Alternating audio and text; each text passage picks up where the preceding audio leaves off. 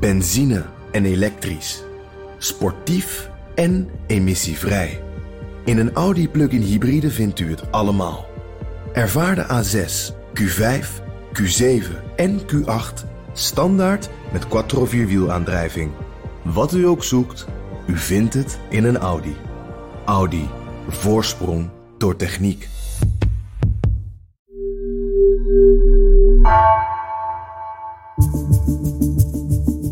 Vanaf de redactie van NRC het verhaal van vandaag. Mijn naam is Floor Boon.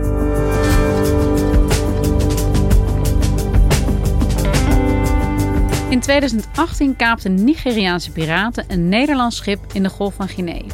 Het doel? Geld in ruil voor de gijzelaars.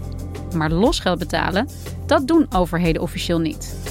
Toch speelde Nederland een sleutelrol bij het vrijkrijgen van de bemanning, ontdekten onderzoeksjournalisten Carola Houtenkamer en Marijn Rengers. Hoe kwam er 340.000 dollar in Nigeria terecht?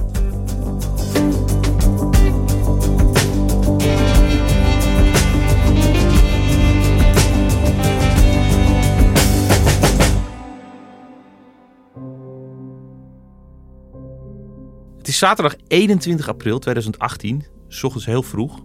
En we zijn op zee voor de kust van Nigeria, vlakbij het olierijke Bonny Island. Daar vaart de FWN Rapide, een Nederlands schip met een bemanning van een Russisch kapitein, Oekraïense uh, zeelui en Filipijnse matrozen. Op die ochtend wordt de Russische kapitein, die heet Yevgeny Kolotko, opeens uit zijn slaap gebeld. En ze zeggen, Yevgeny, je moet nu naar boven komen, nu naar de brug komen. Yevgeny is nog in zijn onderbroek, maar hij denkt, er is iets aan de hand. Dus hij rent naar boven, naar de brug. Hij doet de deur open en hij kijkt in de loop van een geweer. En achter dat geweer staat een Nigeriaanse boze man die een kaper blijkt te zijn. Een piraat. Hij, het is een piraat die is met op een klein, heel snel varend bootje over de Golf van Guinea, want zo heet de zee daar, naar het schip van eh, Yevgeny Kolotko gesjeest. Samen met nog tien mannen, gewapend met uh, kalasjnikovs. En uh, die zijn aan boord geklommen. Die zijn daar een uh, Oekraïner tegengekomen. Die hebben ze onder schot gehouden. Die hebben ze meegenomen naar de brug. En zij willen nu iets van Kolotko. Sterker nog, ze willen Kolotko hebben. Ze willen zijn mannen hebben. En ze willen ze van dat schip afhalen en meenemen naar de wal in Nigeria. Het is ze niet te doen om de inhoud van het schip. Het is te doen om de bemanning. Die willen ze gijzelen. En vervolgens willen ze dat de rederij losgeld betaalt om die mannen weer vrij te kopen. En de rederij in dit geval, en daar is de link met Nederland, de rederij is de Groningse rederij Forest Wave.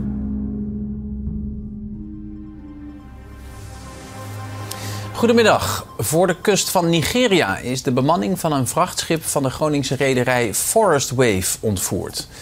Het gaat om dit schip, de FWN Rapide. Het schip vaart onder Nederlandse vlag. Alle bemanningsleden komen uit het buitenland. En over het lot van de ontvoerde mannen is op dit moment nog niets bekend. Als de piraten met de gijzelaars van het schip klimmen en in die kleine bootjes gaan zitten, zijn de piraten euforisch. Ze hebben gedronken, ze hebben gebloot, ze hebben aan boord nog pillen gevonden die ze hebben geslikt.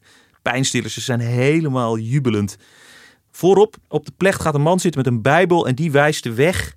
We gaan terug naar de wal. We hebben onze buit binnen. En dan knallen ze door naar wal. Maar het is dus totaal chaotisch en voor de gijzelaars doodeng. Die denken, wat gebeurt hier en wat zijn dit voor een wilde mannen? Marijn, jij bent deze kaping gaan onderzoeken tot op de bodem samen met Carola Houtenkamer. Waarom? Nou, de reden is dat kijk, de kaping is opgelost. En er is iemand in Zuid-Afrika aangehouden, een van de kapers. En daaruit bleek dat er losgeld was betaald. En hij is losgeld voor Nederland, maar ook in het internationale zaken doen en in de scheepvaart altijd een heel gevoelig item. Dus wij dachten van, god, hoe zou het nou gelopen zijn met dat geld? Hoe is die kaping nou opgelost? En wat was de rol van Nederland erbij? In dit geval hebben Carola Houtenkamer en ik gereconstrueerd wat er op de verschillende plekken gebeurde. En het is echt heel bijzonder, denk ik, journalistiek, dat, dat we dat konden doen. Want normaliter, je leest wel iets over een kaping, maar het blijft altijd heel schimmig en spannend en geheim. Nederland is, zover ik weet, tegen het betalen van losgeld. Als het gaat over kapingen, ontvoeringen, piraterij. Andere landen zijn dat heel vaak ook. Wat is er eigenlijk op tegen? als je losgeld betaalt. Nederland is, is behoorlijk tegen betalen van losgeld. De redenering is dat als je losgeld betaalt, dat het een soort beloning is voor uh, piraten, voor kapers. En als die weten dat dat betaald wordt, dat dat nieuwe kapingen en nieuwe gijzeldrama's uitlokt. Hoe staat Nigeria hierin? Nigeria, eh, idem dito. Ze hebben enorme problemen daar in de Golf van Guinea met, met kapers, met idioten op bootjes die allerlei dingen uithalen. En dat losgeld komt meestal uit Europa, uit de Verenigde Staten. Zij hebben het idee, die, die, die industrie wordt in stand gehouden. Sterker nog, die wordt gevoed met het losgeld dat wij hier genereren. Piracy in the Gulf of Guinea has become a global concern, stealing oil cargo and kidnapping foreign nationals for ransom. Heavily armed criminals attack more than 100 vessels every year. Nou, afgelopen jaar waren er 22 uh, grote incidenten daar. Daar zijn ongeveer 130 bemanningsleden gegijzeld. Dus meer dan 90% van alle uh, gijzelingen uh, van, van, van scheepslieden die vindt daar plaats. The kidnapping of 15 sailors at the weekend is just the latest act of piracy which has been on the rise in West Africa's Gulf of Guinea. While attacks by pirates have substantially decreased in some regions of the world, they seem to be on the increase in West Africa, making the Gulf of Guinea the worst area in the world impacted by piracy. The International Maritime Bureau has tracked a steady increase in kidnappings over recent years, and during 2020, pirates in the Gulf seized 130 seafarers in 22 separate incidents, accounting for all but five of those taken at sea worldwide.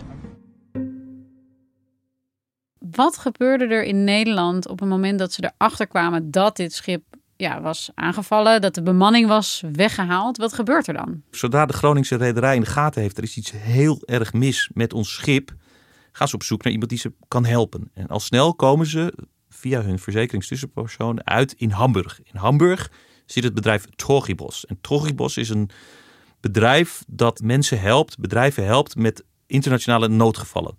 Kapingen, ontvoeringen, heavy stuff.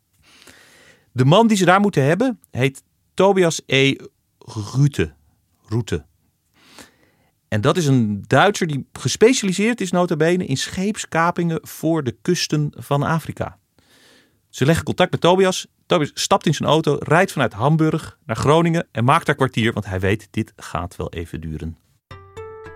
En er gebeurt van alles bij de Nederlandse overheid. Want ook de Nederlandse overheid en Rijkswaterstaat monitort Nederlandse schepen. En daar gaan ook alle alarmbellen af. Nou, dat is bij elkaar gekomen en al heel snel had de politie contact met die Groningse rederij. En zijn ze daar ook naartoe gegaan om te kijken van hoe kunnen we dit oplossen, wat is er aan de hand, et cetera.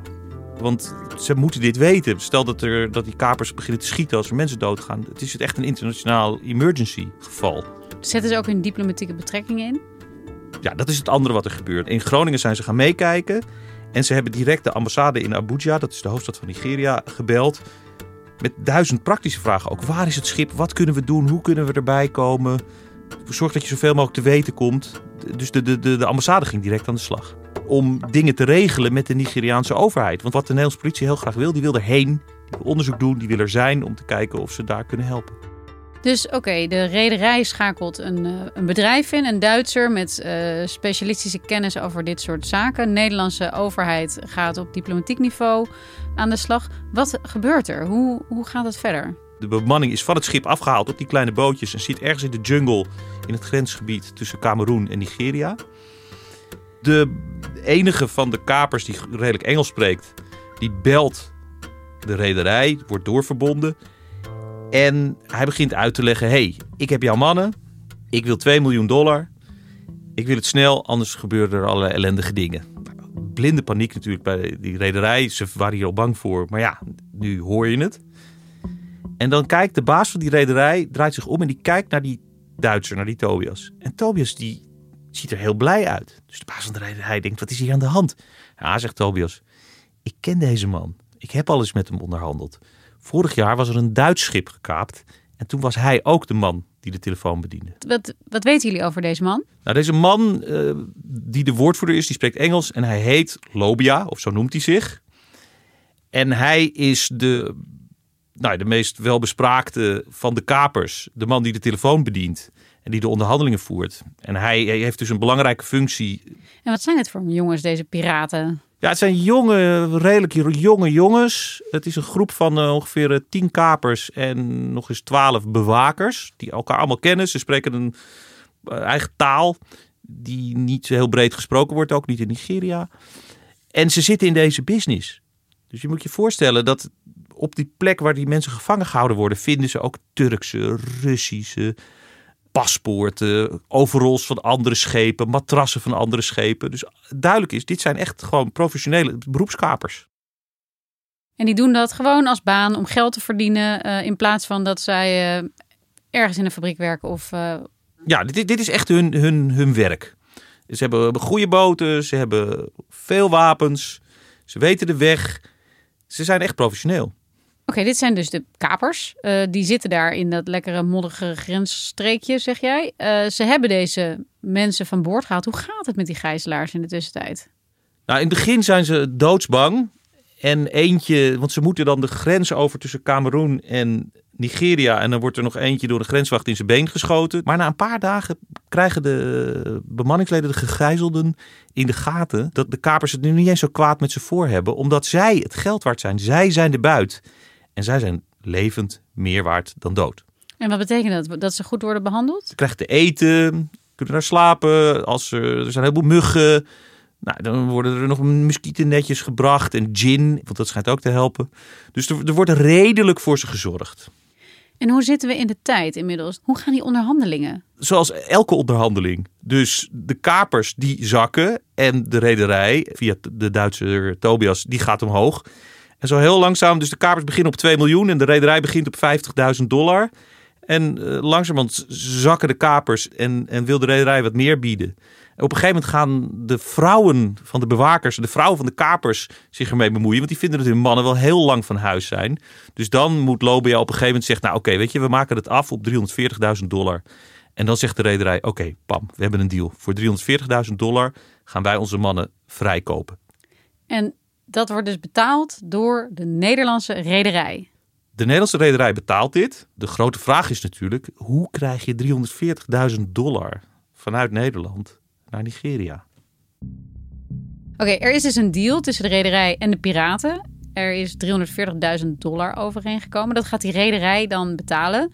Uh, mag dat dan wel? De rederij, dat is een private partij, die mag dat geld in principe aan iedereen overmaken of langsbrengen bij wie ze maar willen. Dus de echte vraag is: mag de Nederlandse overheid helpen dat geld die kant op te krijgen? En mag de Nederlandse overheid het accommoderen dat het zo gaat?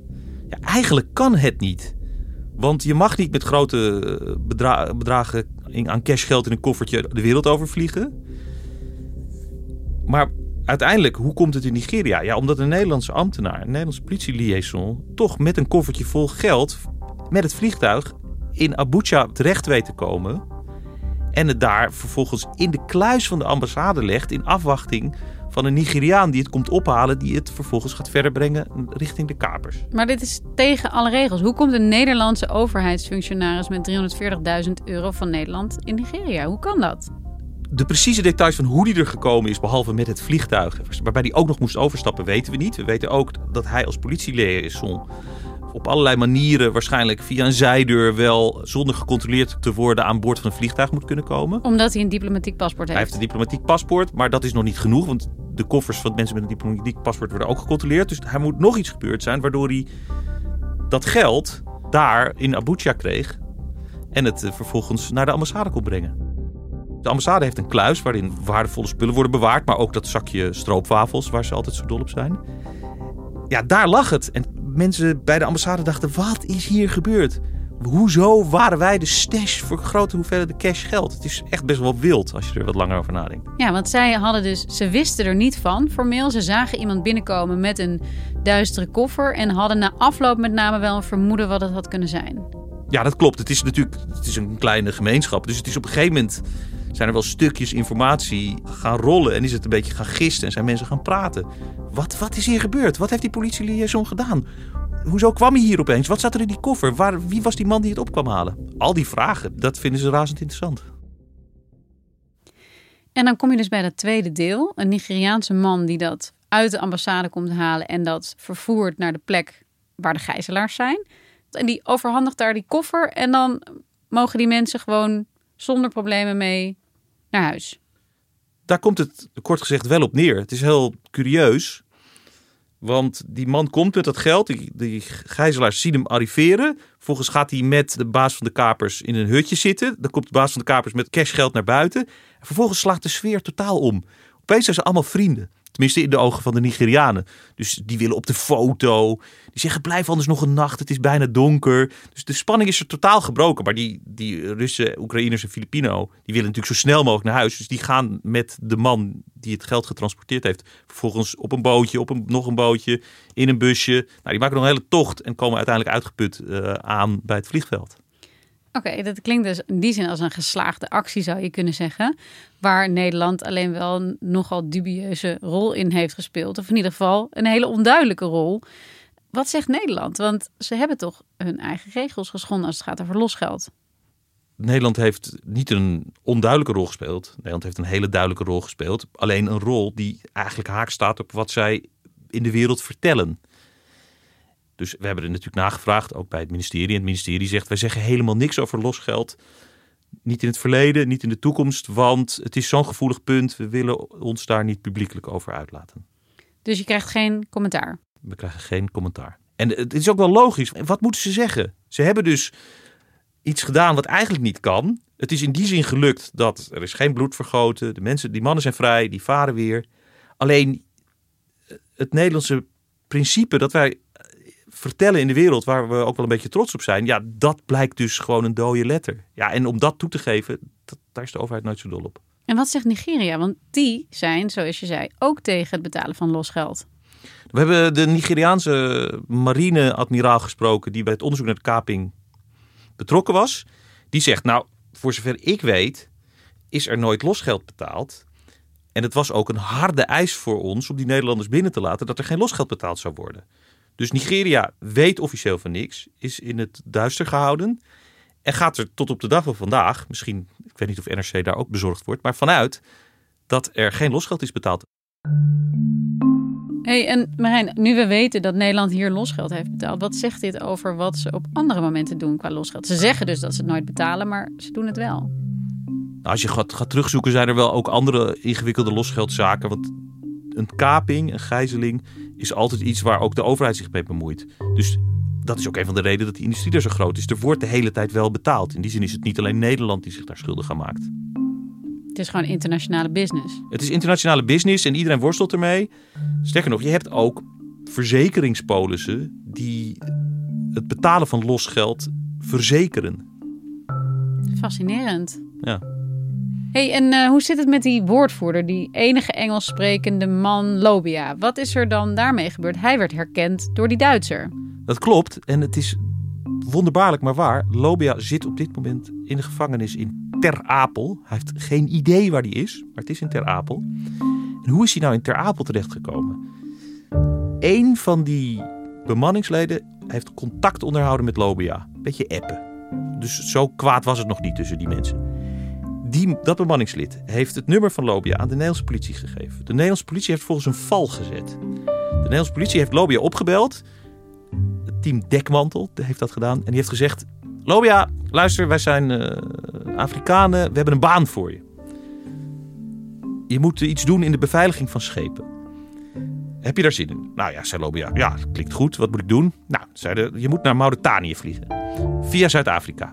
Vervolgens is Lobia gearresteerd in, toen hij aan het overstappen was in Zuid-Afrika. Want Nederland heeft een uitleveringsverdrag met Zuid-Afrika, maar geen uitleveringsverdrag met Nigeria. Vandaar al deze stunts. Toen heeft hij een jaar lang vastgezeten in Zuid-Afrika en daarna is hij uitgeleverd aan Nederland. En zo is hij in Ter Apel terechtgekomen en daar wacht hij nu op zijn proces. Dankjewel Marijn. Alsjeblieft. Je luisterde naar vandaag, een podcast van NRC. Eén verhaal, elke dag. Deze aflevering werd gemaakt door Felicia Alberding en Jeroen Jaspers. Chef van de audioredactie is Anne Moraal. Dit was vandaag. Morgen weer.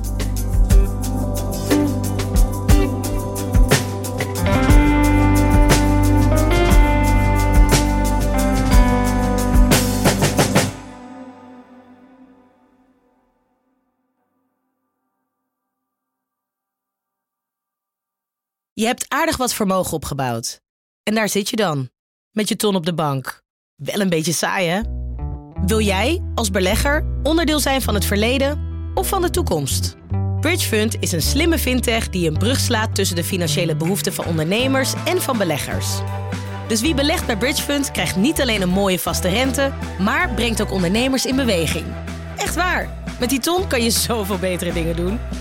Bridgefund. Make money smile.